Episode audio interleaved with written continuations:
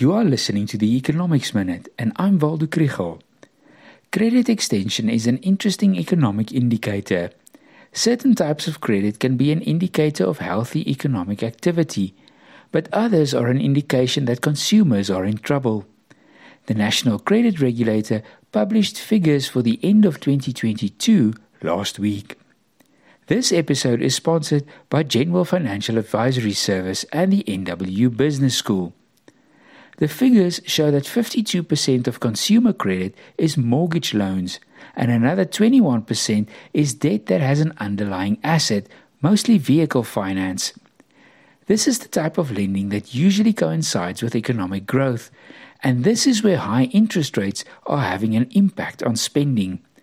Mortgage credit fell by 7.6% in the fourth quarter, and the value of vehicle loans also declined precisely because economic activity is weak, because few jobs are created and increases in wages do not keep up with the inflation rate, people use more other forms of credit.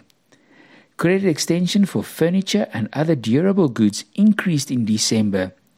Debt on credit cards and store cards rose in the fourth quarter, but personal loans and the use of overdraft facilities declined.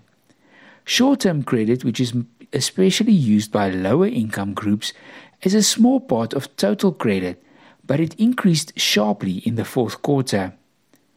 Last week, there was an opinion piece in the newspaper that the Reserve Bank should increase the inflation target range to a 4 to 7% target, so that the repo rate can then be cut by one percentage point and that the economy can grow. It will certainly provide relief for a lot of people and make a little more spending possible. But I don't think this is a basis on which the economy will grow.